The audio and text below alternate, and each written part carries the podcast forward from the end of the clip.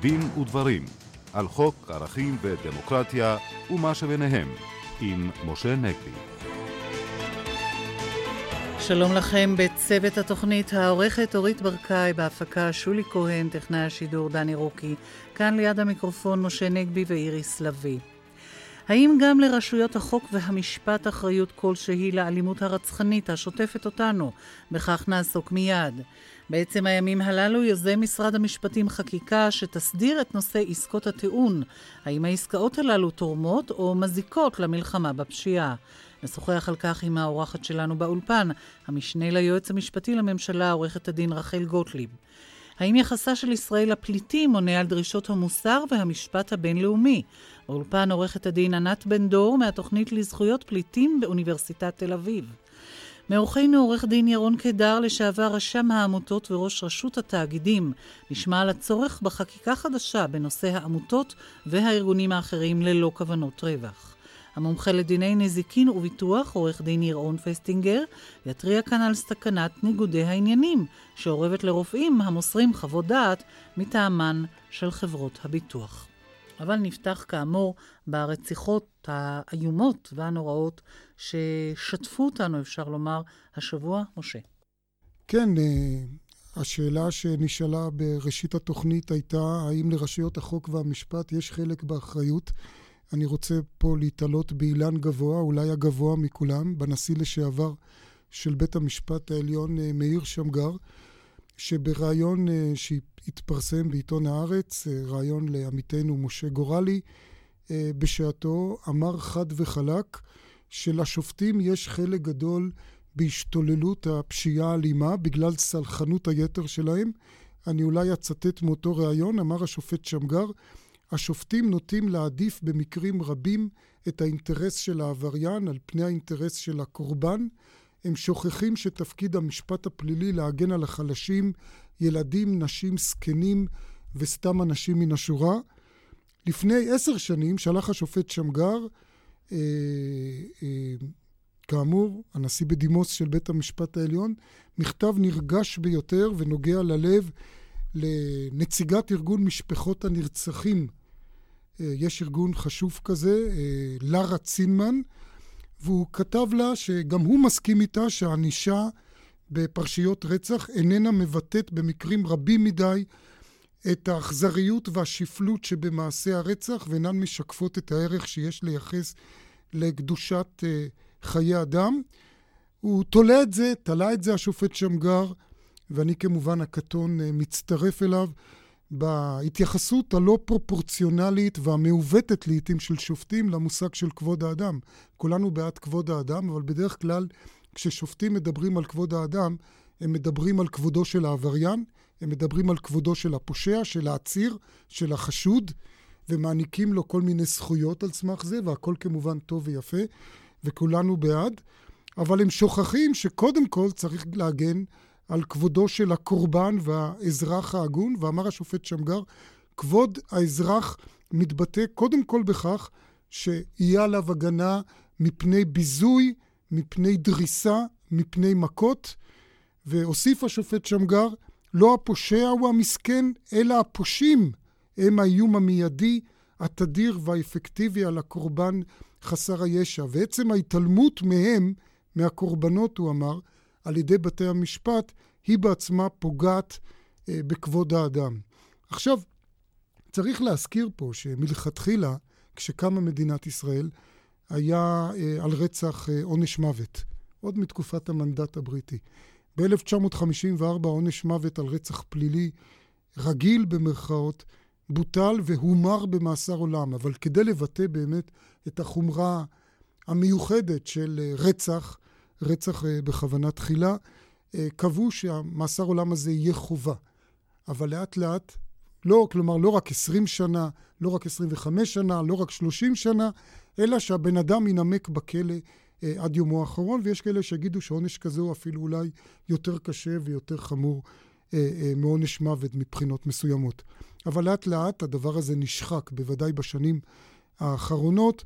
הוא נשחק קודם כל משום שהעבירו סעיף על אחריות מופחתת שמאפשר להטיל פחות ממאסר עולם בכל מקרה של הפרעה נפשית. אני מדגיש, גם אם אין מחלת נפש ששוללת את האחריות הפלילית, הפרעה נפשית יכולה להביא לכך שהעונש יופחת. ואני רוצה לשאול, האם יש רוצח שאין לו הפרעה נפשית? האם רצח כשלעצמו לא מעיד אה, על הפרעה נפשית? אה, אפילו רצח, כפי שראינו אתמול, בוודאי רציחות שבהן מוותרים גופות וכולי, שאנחנו אה, אה, שומעים עליהן מעת לעת. אבל הבעיה היא לא רק בשחיקה של הענישה. אחרי שהנאשם נידון לעונש כזה או אחר, הוא מתחיל לקבל חופשות. אני חושב שאין גן עדן לרוצחים כמו בבתי הכלא של מדינת ישראל. אני רוצה להזכיר את הרוצחים אה, של הנהג המונית דרק רוט, שקיבלו חופשה, רוצחים קיבלו חופשה מהכלא, ניצלו אותה לבצע שוט של מכולת, אחרי זה שוב קיבלו חופשה, ואחד מהם ניצל את זה כדי לברוח אה, מדרום אמריקה. אם זה לא היה עצוב מאוד, זה היה אולי אה, מצחיק מאוד. שמעתי היום שחבר הכנסת אה, משה מטלון מציע לחדש את עונש המוות על רצח. אני בוודאי אה, לא תומך בזה, אבל אני חושב, בואו נחזיר את מאסר העולם למה שהיה. עורכת הדין אה, רחל גוטליב, יש לך בשורה בהקשר הזה? טוב, אתה העלית בדבריך הרבה מאוד נושאים. שכל אחד מהם ראוי לדיון נפרד. ואגב, אבל... אנחנו גם נדון אחר כך דיון נפרד בכל הבעייתיות של הסדרי טיעון טיעון בהקשר הזה. אוקיי. כן.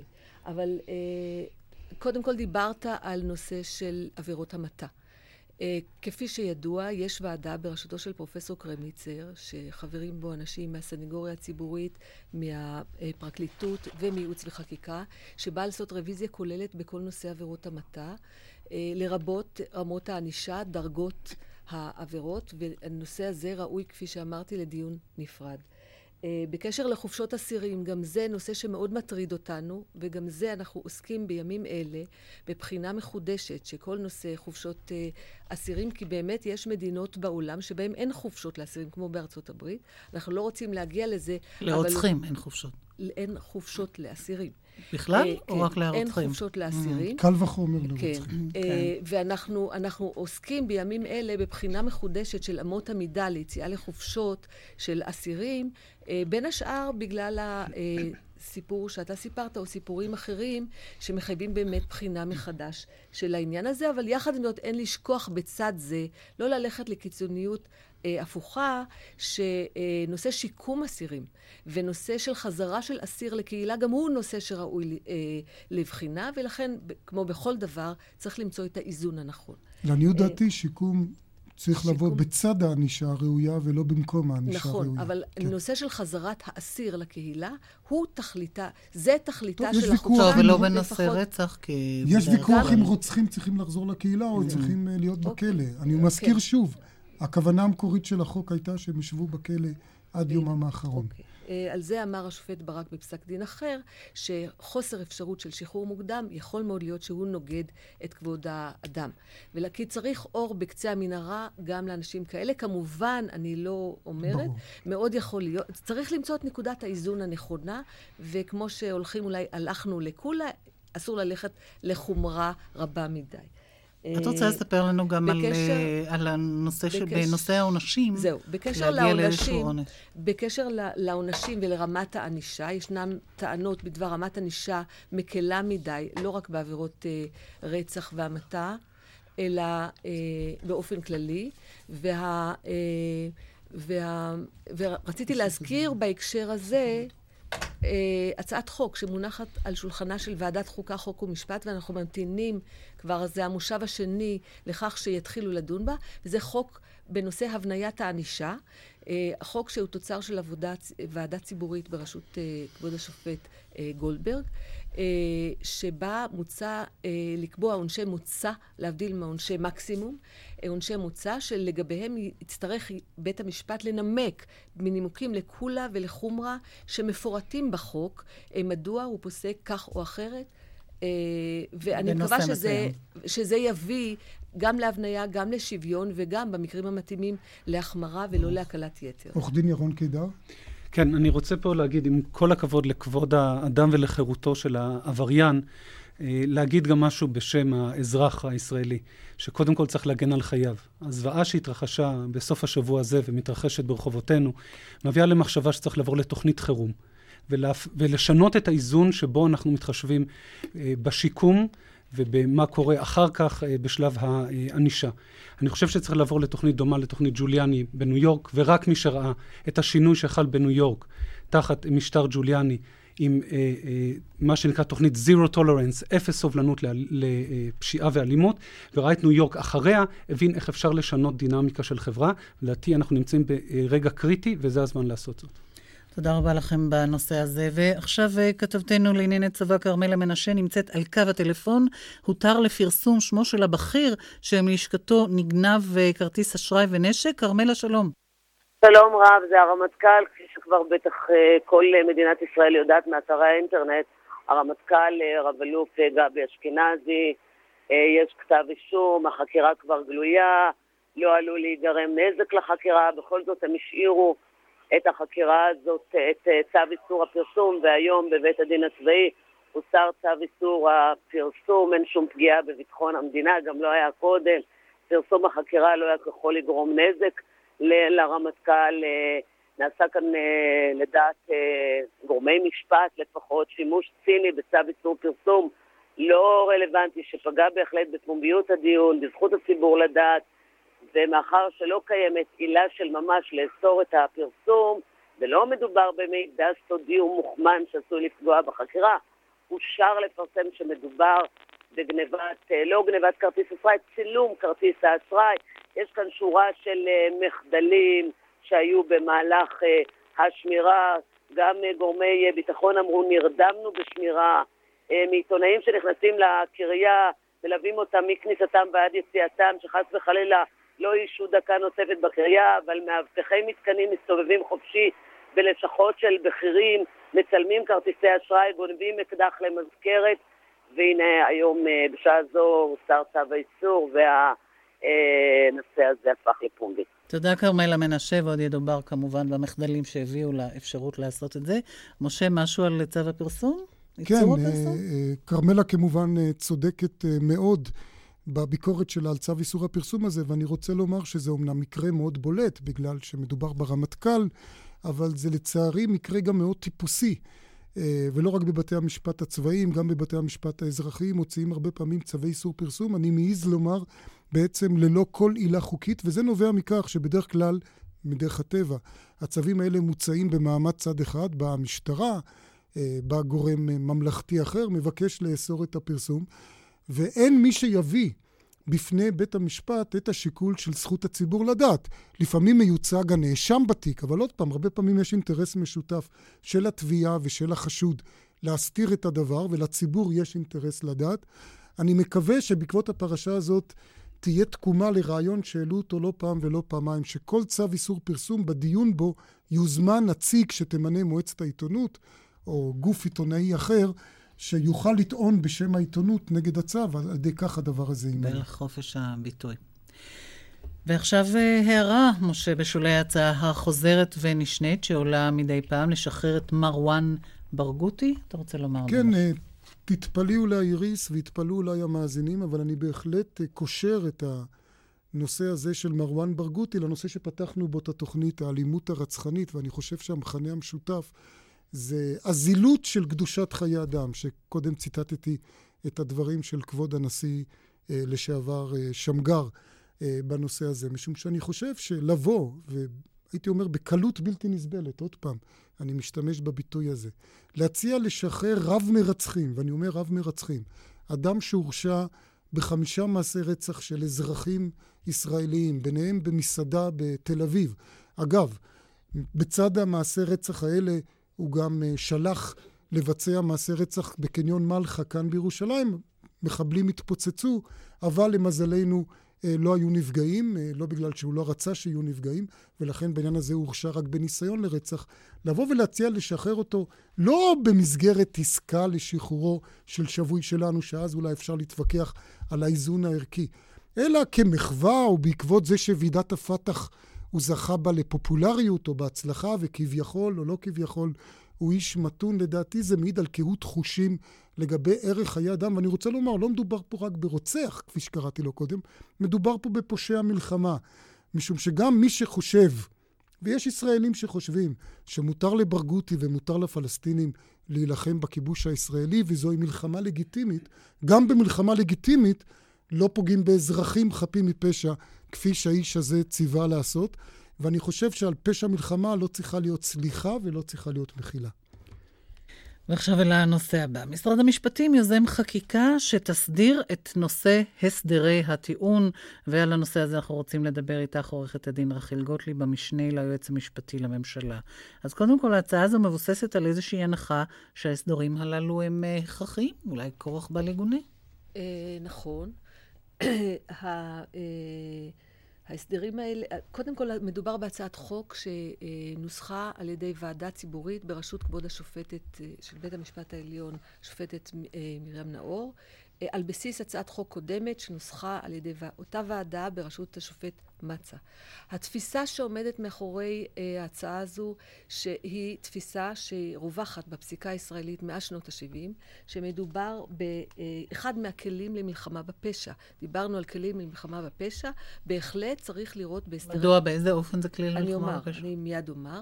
Uh, זה כלי למלחמה בפשע בגלל שהוא תורם לאפשרות להביא לדין יותר אנשים, להביא לענישה סמוך למועד ביצוע העבירה, אה, כאשר צריך כמובן לה, להבטיח ש, שהכשלים שיכולים להיות בהסדר טיעון, הבעיות שיש עם הסדרי טיעון, אותן בעיות שעד שנות ה-70 גרמו לכך שבתי המשפט ראו, התייחסו לדבר הזה בסלידה.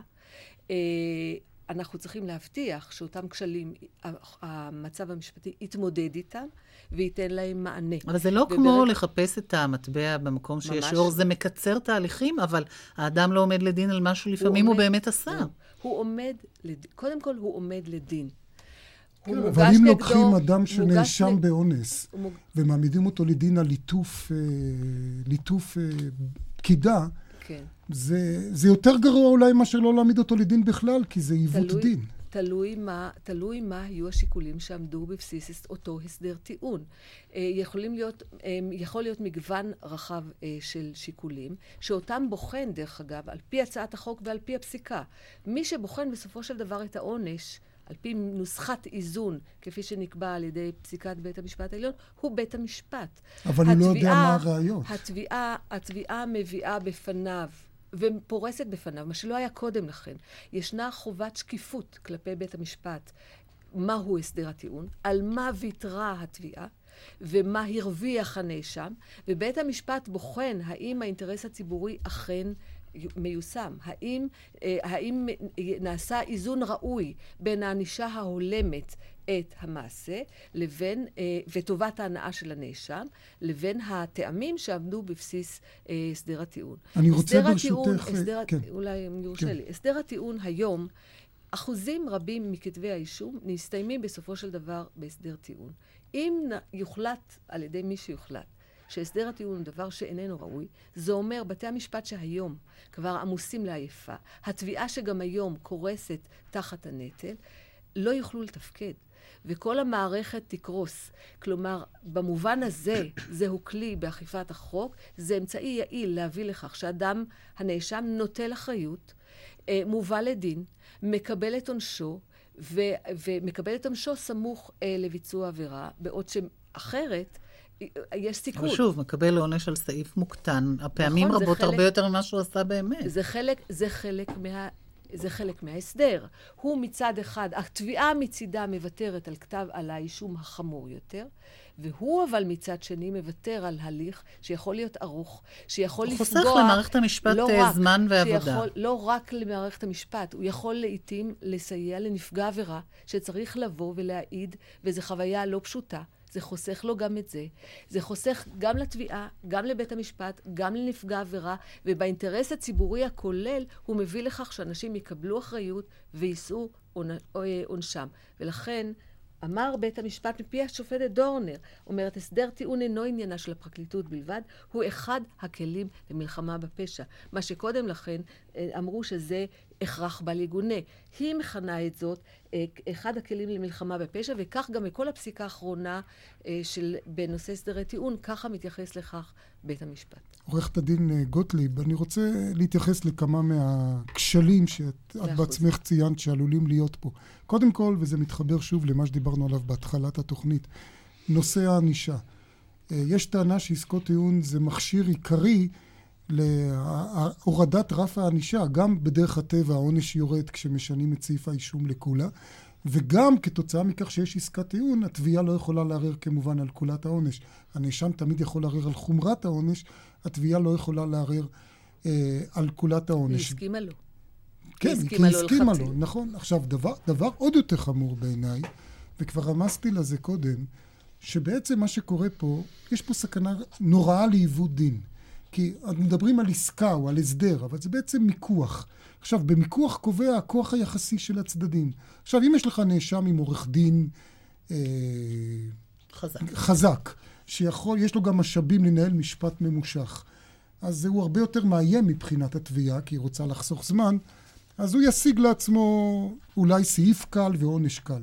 לעומת זה, נאשם חלש עלול להגיע למצב שאולי מתוך פחד שלא יהיה לו אמצעים לנהל את המשפט, הוא יסכים להיות מורשע בדבר שאולי הוא היה מזוכה ממנו, כי מאיימים עליו בסעיף הרבה יותר חמור. איך את מתמודדת עם זה? אני, אני אומר. באמת אחד הטעמים לשינוי בגישה, גם בארץ וגם בחו"ל, בקנדה למשל, היה הרחבת זכות הייצוג על ידי הסנגוריה הציבורית. הרחבת זכות, זכות הייצוג להרבה מאוד נאשמים, שינה את התמונה. הרבה מאוד נאשמים מיוצגים על ידי הסנגוריה הציבורית, ודאי אותם נאשמים שאתה מתייחס להם מחוסרי אמצעים, ולכן במקרים רבים הנאשמים הללו מיוצגים. בהצעת החוק קבענו שאם הנאשם מיוצג, חובה לנהל את המשא ומתן עם הסנגור, לא מאחורי גבו.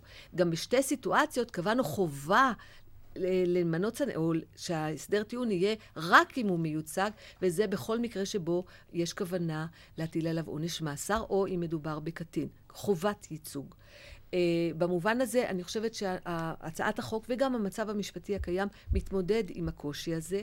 ודבר שני, כיוון שכך, ישנה, ישנה uh, חובה היום, גם, גם זה עומד בבסיס הדברים, להציג בפני הנאשם את, את חומר הראיות. הוא לוקח חישוב מושכל, הוא יודע, ודאי אם הוא מיוצג, הוא לוקח חישוב מושכל האם כדאי לו או לא כדאי לו להסכים אה, להסדר הטיעון, או לנהל את המשפט עם, עם אפשרות שהוא יזוכה. לצאת זכאי. נכון. אה, זה דבר שני. ודבר שלישי, אה, אסור לנו לשכוח שמדובר במערך התביעה בישראל הוא מערך תביעה מקצועי, להבדיל גם בחו"ל, אבל חלק מהביקורות שנשמעו בחו"ל, בארצות הברית למשל, כנגד הסדרי טיעון, היו על כך שהתובעים איגר מאוד רוצים להשיג הרשעה. בארץ נקודת המוצא היא שמדובר בתביעה שהיא officer of the court, שהיא מחויבת, לה, והיא לא תעשה עסקת טיעון אם היא מנוגדת ל, אה, לאינטרס הציבורי, וכך גם כתבנו בהצעת החוק, זאת אומרת, כתבנו את זה כעיקרון אה, מנחה. מה לגבי אה, נפגעי העבירה? אה, היום המצב הוא שבעבירות אלימות אה, במשפחה ועבירות מין, הנפגע, חייבים לידע אותו לגבי העסקה, אין לו זכות וטו. נכון. נפגעים של עבירות אחרות אין להם שום זכות בהקשר נכון. הזה. מה החוק שלכם אומר? הצ... הצעת, החוק, החוק הזה לא מטפל בנושא של נפגעי עבירה, כי במהלך הדיונים... במהלך הדיונים בהצעת החוק הזו אה, הוגשה הצעת חוק של חבר הכנסת אה, אה, איתן, שבו הוא הציע לאפשר לנפגע עבירה להביא את עמדתו בפני בית המשפט. העניין הזה נדון, וההמלצה של ועדת נאור לכנסת, שהתקבלה על ידי הכנסת, זה שאין מקום להביא את עמדת נפגע עבירה לבית המשפט, מפני שזה מער... בעצם לא מאפשר לנאשם להתמודד עם הטיעונים של הנאשם, זה ייצור מעין משפטי זוטה. כמו שנפגע עבירה אין לו זכות לבוא ולטעון כנגד סעיף העבירה שבחר התובע. הוא בחר, ולכן, ולכן המצב המשפטי היום, מביאים בפני הנפגע עבירה את אה, שדר הטיעון, הוא יכול לטעון בפני הגורם התביעתי שמחליט בו, אבל לא בפני בית המשפט. אנחנו נסתפק בדברים האלה, נצא לעדכון חדשות, ולאחר מכן עוד כמה תגובות כאן באולפן. מלאכי חזקיה, בבקשה.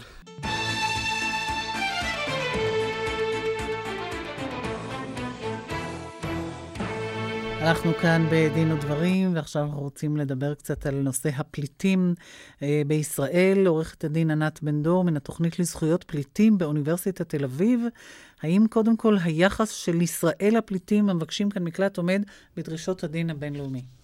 לצערי, יש לנו עוד דרך מאוד ארוכה עד שנוכל להיות גאים במה שמדינת ישראל עושה, ואני אישית היום קצת מתביישת. אה, זה מתחיל מזה שלמרות שישראל הייתה מהמדינות הראשונות שהצטרפו לאמנה, אה, גם ארגונים יהודיים רבים היו שותפים לניסוח האמנה, אה, מאז עברו למעלה מ-50 שנה ואין לנו חקיקה מסודרת שקובעת את הזכויות או את ההליכים לקבלת... להזכיר אולי שהאמנה נחקקה בעקבות מלחמת העולם השנייה והיהודים ש... זו כמובן הערה נכונה, זאת אומרת, לא בכדי היו שם גם מדינת ישראל הצעירה וגם כל אותם ארגונים יהודיים, אה, וכשאנחנו... שזה היה זמן קצר, 1951 לאחר השואה. אכן, וכשאנחנו אגב מלמדים היום באוניברסיטת תל אביב את האמנה לסטודנטים, אנחנו אומרים שכלל אצבע, כשאנחנו רוצים לדעת מיהו פליט, עוד לפני שלמדנו את ההגדרות המשפטיות, אנחנו אומרים, תחשבו על אותו יהודי אה, בגרמניה של 1938. או בספינה סנט לואיס. ש... בוודאי. אה, מה שיש היום בישראל זה איזשהו נוהל מינימליסטי ביותר, אה, נוהל פנימי שאפילו לא פורסם כמו שצריך. כלומר, את האמנה לא חוקקו כחוק מחייב של הכנסת, ככה שבעצם אין לה שום מעמד משפטי בתוך מדינת ישראל. אין לה מעמד משפטי. אני כן אומר אולי, כן, לזכות מדינת ישראל, שהיא לפחות בהליכים משפטיים שאנחנו צד להם, לא מתנערת מהאמנה. זאת אומרת, בכל הזדמנות באה ואומרת, אנחנו מקיימים את האמנה. הוויכוחים באותם, באותן עתירות שמוגשות לבג"ץ, הם באמת על פרשנותה של האמנה, ואני חייבת לומר שחלק מזה שאין חקיקה יוצר את אותה עמימות שמאפשרת למדינה לנהל את מערכת המקלט כאיזושהי מערכת של חסד, של הסדרים אד הוקיים. שנוגעים בעצם לקבוצות אוכלוסייה, ולא כמערכת משפטית של זכויות ושל הליכים ידועים, משפטיים, כמו שאנחנו... וזה גם מה שמאפשר אולי עכשיו את ההכבדה, את ההחמרה. תראו... זה שבעצם אין, זה לא על פי חוק. אנחנו, אנחנו ש, שעובדים בתחום הזה מרגישים באמת תחושה של בלגן כל הזמן. זאת אומרת, המדיניות משתנה בלי שום הסברים ובלי פרסום ובלי נימוקים, כך שיום אחד מחליט מישהו שמבקשי מקלט לא יוכלו להיות במרכז מדינת גדרה ישראל, חדרה. גדרה חדרה כן. המפורסם. שזה בוטל. וזה פתאום גם בוטל. עכשיו, אגב, לא ההכלה של ההסדר. אגב, ולא... יומיים לפני שזה בוטל, הוגש תצהיר לבג"ץ שמדינת ישראל תקרוס אם יאפשרו לה פליטים להגיע לאזור תל אביב. אכן כך, אכן כך, וזו האווירה שבה מתנהלים הדברים. זה גם מעיד על מידת הכבוד לבג"ץ ולתצהירים לבג"ץ אה, במקרים מסוימים. כן, ו- ואגב, אני, אני רואה את זה בשטח אה, על בני אדם. זאת אומרת, אדם מחזיק ניירות שמדינת ישראל ניפקה לו ואמורים להגן עליו ממעצר, והוא שומר עליהם מכל משמר, ככה מנוילן בכיס אה, שנה ושנתיים, ויום אחד אומרים לו, הנייר הזה לא שווה שום דבר, ופתאום הוא נעצר. או אחרי שבעמל רב מצא עבודה ופתח חשבון בנק, לא, אין לו גישה יותר לחשבון הבנק, לקחו לו את הנייר. תראו, הבעיה המרכזית היא כמובן עצם מתן המקלט, וזה כמובן אה, לפעמים עניין של חיים ומוות, אנחנו יודעים. אבל מעבר לזה, אחרי שהפליט כבר פה, אה, האם אה, יש איזושהי חובה, והאם מדינת ישראל עומדת בחובה הזאת, בכל מה שקשור לאפשר לו פרנסה, לאפשר לו טיפול רפואי אם הוא חולה חלילה וכולי. כן. ראשית, אני רוצה ללכת צעד אחד אחורה לגבי החובה, החובה היסודית באמנה היא לא לגרש אדם למקום סכנה. אה, ואני חייבת לומר שלאנשים שנמצאים בישראל, בדרך כלל ישראל מקיימת את, ה, את החובה הזאת, ואכן לא מגרשת אדם שנמצא בהליכי מקלט. אולם על הגבול היום, על גבול מצרים, בהחלט, בהחלט מגרשים אנשים סמוך לאחר הגעתם, עם מינימום של תשאול על ידי חיילים שלא הוכשרו לכך. אז קודם כל, את החובה הבסיסית הזאת אנחנו לא מקיימים. ואנחנו יודעים שבזמנו גם נחשף בערוץ 10 אה, סרט שהראה כיצד אה, אותם פליטים ש... אינם מצליחים להיכנס לישראל, ממש נעשה בהם אה, מעשה לינץ' בצד המצרי על ידי גורמים מצריים. כן, ואני חייבת לומר, אנחנו הגשנו לבית המשפט הגבוה לצדק עדויות אה, אה, של ארגוני זכויות האדם הגדולים בעולם, שאומרים שמצרים מצידה לא עומדת בהתחייבות, אותה התחייבות בעל פה שניתנה אה, ב... 2007 לראש הממשלה דאז אולמרט, אה, לפיה מצרים לא תחזיר ותדאג לשלומם. אנחנו יודעים היום שמצרים מחזירה מאות אנשים אה, ללא הליכי מקלט וחושפת אותם למעצר אה, ולתנאים מאוד מאוד קשים. כן, אבל שוב, מה קורה עם אותם כן. פליטים פה? עכשיו, אלה שנמצאים פה, אני חייבת להגיד, שוב, נמצאים במין מצב של נוכחים נפקדים. להרבה מהם אין מעמד מוסדר. אין להם נגישות להליכי מקלט, אין להם נגישות לדברים בסיסיים שכל אדם צריך, כמו למשל אה, שירות רפואי. רבים מהם מתקשים לרשום את ילדיהם למוסדות חינוך. הנושא של פרנסה, ואני מצטערת לומר את זה במתכוון, נשמרת פה עמימות ועל הרישיונות שניתנים לא נכתב האם מותר להם לעבוד או לא. וזה מרתיע מעסיקים. וזה מרתיע אותם. מעסיקים, ואני חושבת, ושמעתי את זה לא פעם מפקידים מאוד בכירים, מדינת ישראל מנסה לשדר פה שדר אה, על ידי אה, הכבדת ידה על מבקשי המקלט שנמצאים פה, שדר לאנשים, אל תבואו לכאן, אנחנו לא, לא מדינה, לא יהיה לכם טוב. עכשיו, אני, יצא לי במקרה לדבר עם פליטים שעוסקים במוזיקה, והם אמרו שרבים מהם הם מנסים לעתור, להיות בהליך הזה של להיות פליט, של לקבל את הגושפנקה של פליט. מה זה אומר? כן. תראו, היום אה, אה, כמעט 70 אחוז, אני חושבת, מכלל מבקשי המקלט שנמצאים בישראל, נמצאים, הם, הם יוצאי שתי מדינות, או סודאן או אריתריאה. מדובר על הרבה מאוד אנשים, אני חושבת כ-15 אלף אנשים שנמצאים בישראל. מהאנשים האלה נמנעת הזכות בעצם להגיע להליכי מקלט. מדינת ישראל אמרה, אני לא אגרש אותם. אה, אבל היא יוצרת מין מצב של נוכחים נפקדים. ניתן להם איזשהו רישיון ישיבה, וזהו. והדבר הזה, אגב, מונע, להערכתנו, מהרבה מאוד פליטים אמיתיים. אה, לזכות בזכויות שפליט זכאי להן. פליט אמור לקבל אה, אה, ביטוח לאומי עם כל הזכויות הסוציאליות, פליט אמור לקבל אה, זכות לבריאות אה, ויכולת ללמוד וכן הלאה וכן הלאה. ועל ידי זה שלא בודקים את הבקשות, לא. אגב, המדינה גם אומרת... אתם עוזרים להם, אתם במחלקה לזכויות פליטים, כן, מעניקים קצת עזרה. התוכנית שלנו היא, היא תוכנית אוניברסיטאית שנועדה בעצם להכשיר סטודנטים אגב עבודה מעשית על תיקים. לסייע להם. וככה אנחנו, אגב, בעצם מרוויחים בשני, בשתי חזיתות. אנחנו גם מעניקים שירות משפטי חינם לעשרות, ואני חושבת שבתיקים עקרוניים גם מאות מושפעים מהתיקים האלה. וגם אנחנו מקווים שדור חדש של עורכי דין יכיר את הנושא וידע לעבוד בו. את תיארת פה מצב מאוד קשה, ואני מבין שיש סכנה של החמרת נוספת, כי יש איזה, בצנרת איזו חקיקה. כמו שאמרנו, את האמנה לא חוקקו, אבל לעומת זה עומדים לחוקק איזה חוק נגד הסתננות שעוד יחמיר את המצב. כן, אני, אני שמחה שאתה מעלה את זה. הממשלה הגישה הצעת חוק, אה, וזוהי הצעת חוק למניעת הסתננות. אה, שעברה כבר בקריאה ראשונה וגם אושר לגבי הדין רציפות, וההצעה הזאת בכמה היבטים אה, פשוט עומדת בסתירה חד משמעית לאמנת הפליטים. ואני אומר בכמה מילים.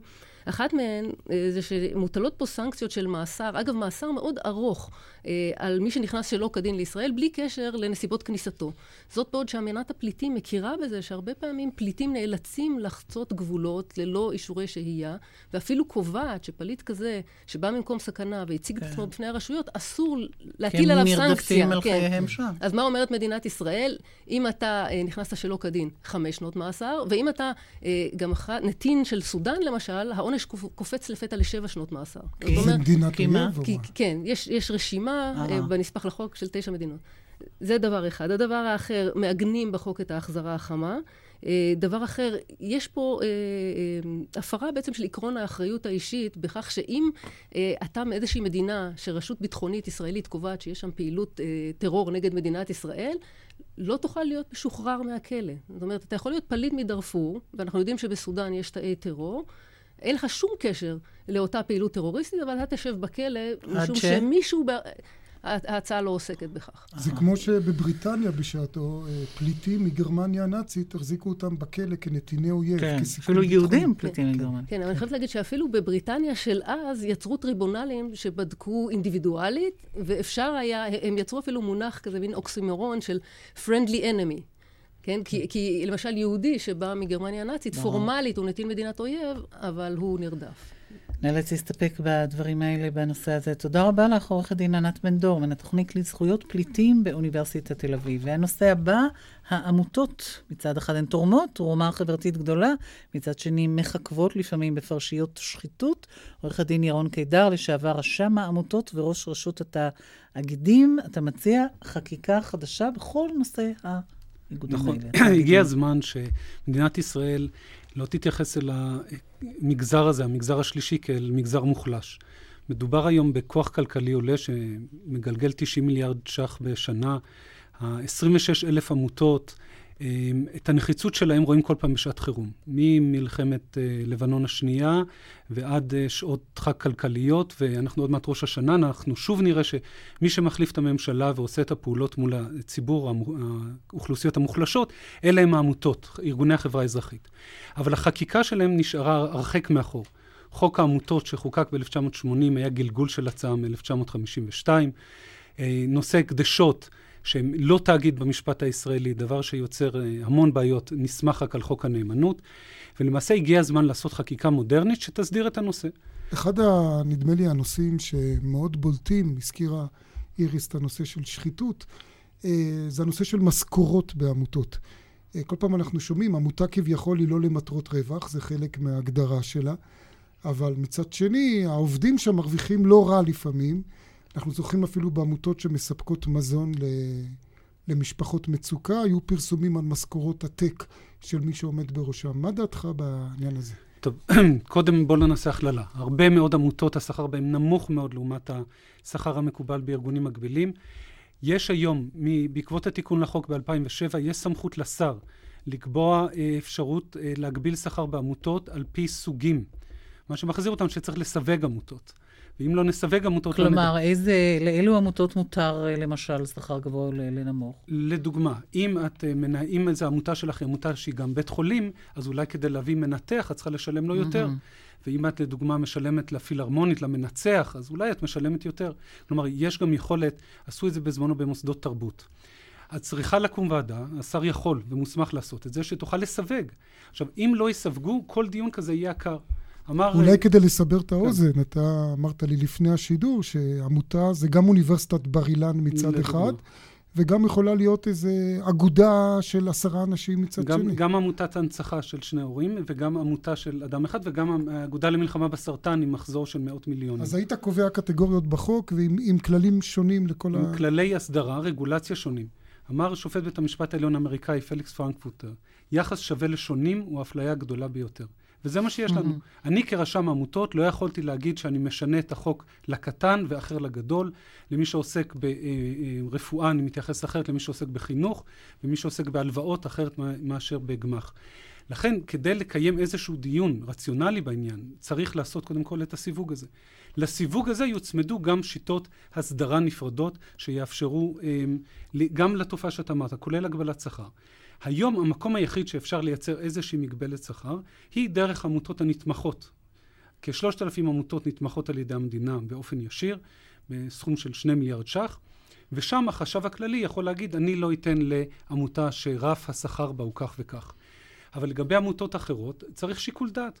אין דין לא. עמותה שמקבלת כסף מהמדינה מעמותה שכל כולה מקבלת כסף מתורם אחד ויחיד. מה עם אה, הרכב האנשים בעמותה? כלומר, כדי להיות עמותה... צריך מספר מסוים של אנשים, אה, כי, הרכב אה, מסוים. כעיקרון, אתה... כעיקרון המינימום הוא שניים, mm-hmm. על מנת להיות מוכרים לצורכי מס הכנסה כמוסד ציבורי ולקבל את ההטבות במס הכנסה, צריכים שבעה חברים. אני, אני מבין שאתה גם mm-hmm. מציע ותומך באחריות אישית על אנשים שעומדים בראש העמותה, ואפילו על ועדת הביקורת של העמותה, במקרה ש... שוב, מתגלים אה, אי סדרים כספיים וכולי, או חובות או דברים מן הסוג הזה. נושא ועדת הביקורת, אה, תיקנו אותו בתיקון ב-2007, שחיזק מאוד את ועדת הביקורת ויצר משקל נגד לוועד המנהל בעמותה, והיום האחריות המוטלת על חברי ועדת ביקורת שווה לוועד מנהל, ולמעשה אחריות שמגיעה לאישית. בנושא של אחריות אישית בכלל, יש היום נטייה של בתי המשפט לעשות הרמת מסך, בייחוד אם המדובר בתביעות של עובדים, בדיני עבודה, או בתביעות מיסוי. אמ, אני חושב שיש מקום לבחון ולהסדיר את הנושא הזה במסגרת אותה חקיקה, על מנת לאפשר שזה לא יהיה פסיקה מקרית שקורית בבית הדין לעבודה או אצל פקיד השומה, אלא נושא של מתי האחריות האישית חלה ומתי לא, כמו במנהלים בתאגידים האחרים. אני חושב שצריך להתייחס למגזר הזה ברצינות, כי הוא מגזר מאוד רציני. ומחייב גם התייחסות חקיקתית רצינית. תודה רבה לך, עורך דין ירון קידר, כל נושא העמותות, כמו שאתה אומר, עוד מעט החגים, ואנחנו אה, כולנו נשמע על עבודתן המבורכת בדרך כלל. ועכשיו אליך, עורך דין ירון פסטינגר, מומחה לדיני נזיקין וביטוח, אתה מתריע על סכנת ניגודי עניינים אצל מומחים רפואיים שמעידים בבתי משפט, אמנם? אה, חלק נכבד מעבודת אה, בתי המשפט בתחום הנזיקין מתבססת על מומחים רפואיים, החל מחוק הפיצוי לנפגעי תאונות דרכים, ששם אין מומחים לצדדים והמינוי הוא רק אה, של מומחה מטעם בית משפט, וכלה בתיקי הנזיקין הרגילים, כולל, כולל בתחום הרשמות הרפואית, ששם הצדדים מביאים כל אחד מומחה מטעמו, ובית המשפט לעיתים, לעיתים קרובות ממנה מומחה בהסכמה או שלא בהסכמה. Uh, התחום הזה, uh, מבחינה משפטית, uh, כבר נקבע בעבר שלמעשה כל המגבלות שחלות על, שופט, מבחינת דיני הפסלות, ניגודי העניינים והאתיקה של השופטים, חלה גם על המומחים הרפואיים, אה, כמו בדומה לבורר או לכל אה, אה, תחום דומה. אה, וישנו סעיף מאוד מפורט שתוקן לפני חמש שנים לחוק בתי המשפט, שקבע בדיוק מה מותר ומה אסור לשופט, זה חל על המומחים הרפואיים, יש גם את כללי האתיקה. למרות שהם מקבלים כסף מצד אחד, הם צריכים אה, לפעול... זה השלב בצור... הבא. קודם כן. כל, לגבי מומחה מטעם בית משפט, הכלל כן. הזה הוחל. אה, למרבה הצער, הרופאים, מטבע הדברים, הם לא שופטים, הם לא עברו את הוועדה לבחירת שופטים, הם לא עבדו, עברו קורסים, הם לא כל כך בקיאים בעניינים הללו, ויכולים להיות, להיווצר לעיתים אה, אה, ניגודי אינטרסים קשים, כאשר אה, לפי ההלכה, כמו בשופט, כמו בבורר, אם יש טענה נגד המינוי שלו, נגד המומחה הרפואי, צריך להעלות אותו בהזדמנות הראשונה. אפשר לחכות שתבוא חוות הדעת, או שהוא ייחקר או דברים כאלה, אה, בדרך כלל. אה, ישנה התפתחות בפסיקה בעניין הזה, ובית המשפט העליון, השופט המשנה לנשיאה, השופט ריבלין, נתן לפני כחודשיים וחצי פסק דין מאוד חשוב, שנוגע לניגודי אינטרסים של המומחה מטעם הנתבעים. במקרה הזה זה תיק של... חברת ביטוח. חברת הביטוח של, אה, או הקרן שייצגה שם את בית החולים, זו קרן ממשלתית שדינה כדין חברת ביטוח, שקבע בעקבות אה, החלטה של השופט סובל בבית המשפט המחוזי פה בירושלים, שקבע שגם כאשר המומחה בא מטעם אה, אה, הנתבעת, אם הוא נמצא בניגוד אינטרסים, חברת הדעת שלו תיפסל על הסף. במה דברים אמורים? במה דברים אמורים? שם דובר על כך שחברת הביטוח לקחה את, ה, את הבוס, במישרין ובעקיפין, של הרופא שנתן את חוות הדעת לתובע. וזה כמובן מעמיד את שני האנשים האלה במצב של אה, מבוכה, אה, ואולי זאת הייתה הכוונה, והשופט סובל פסל את חוות הדעת. וחייב את חברת הביטוח להביא חוות דעת אחרת. על פי ניסיונך כעורך דין שמייצג הרבה פעמים את האזרח הקטן מול אה, חברות הביטוח, וזה כמובן לשבחך. תודה.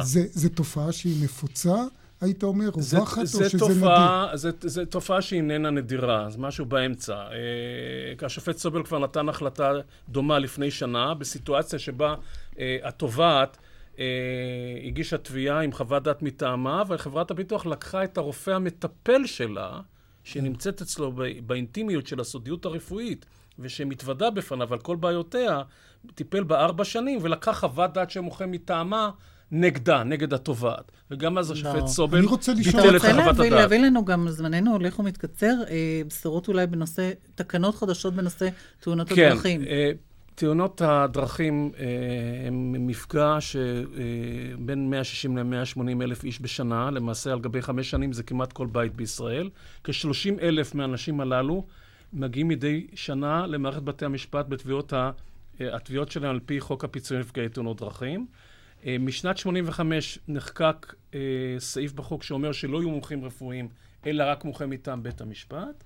ונחקקו תקנות בעקבות, בעקבות השינוי הזה בסעיף 6א לחוק, שהתובע יצטרך להפקיד אפריורי את שכרו של המומחה.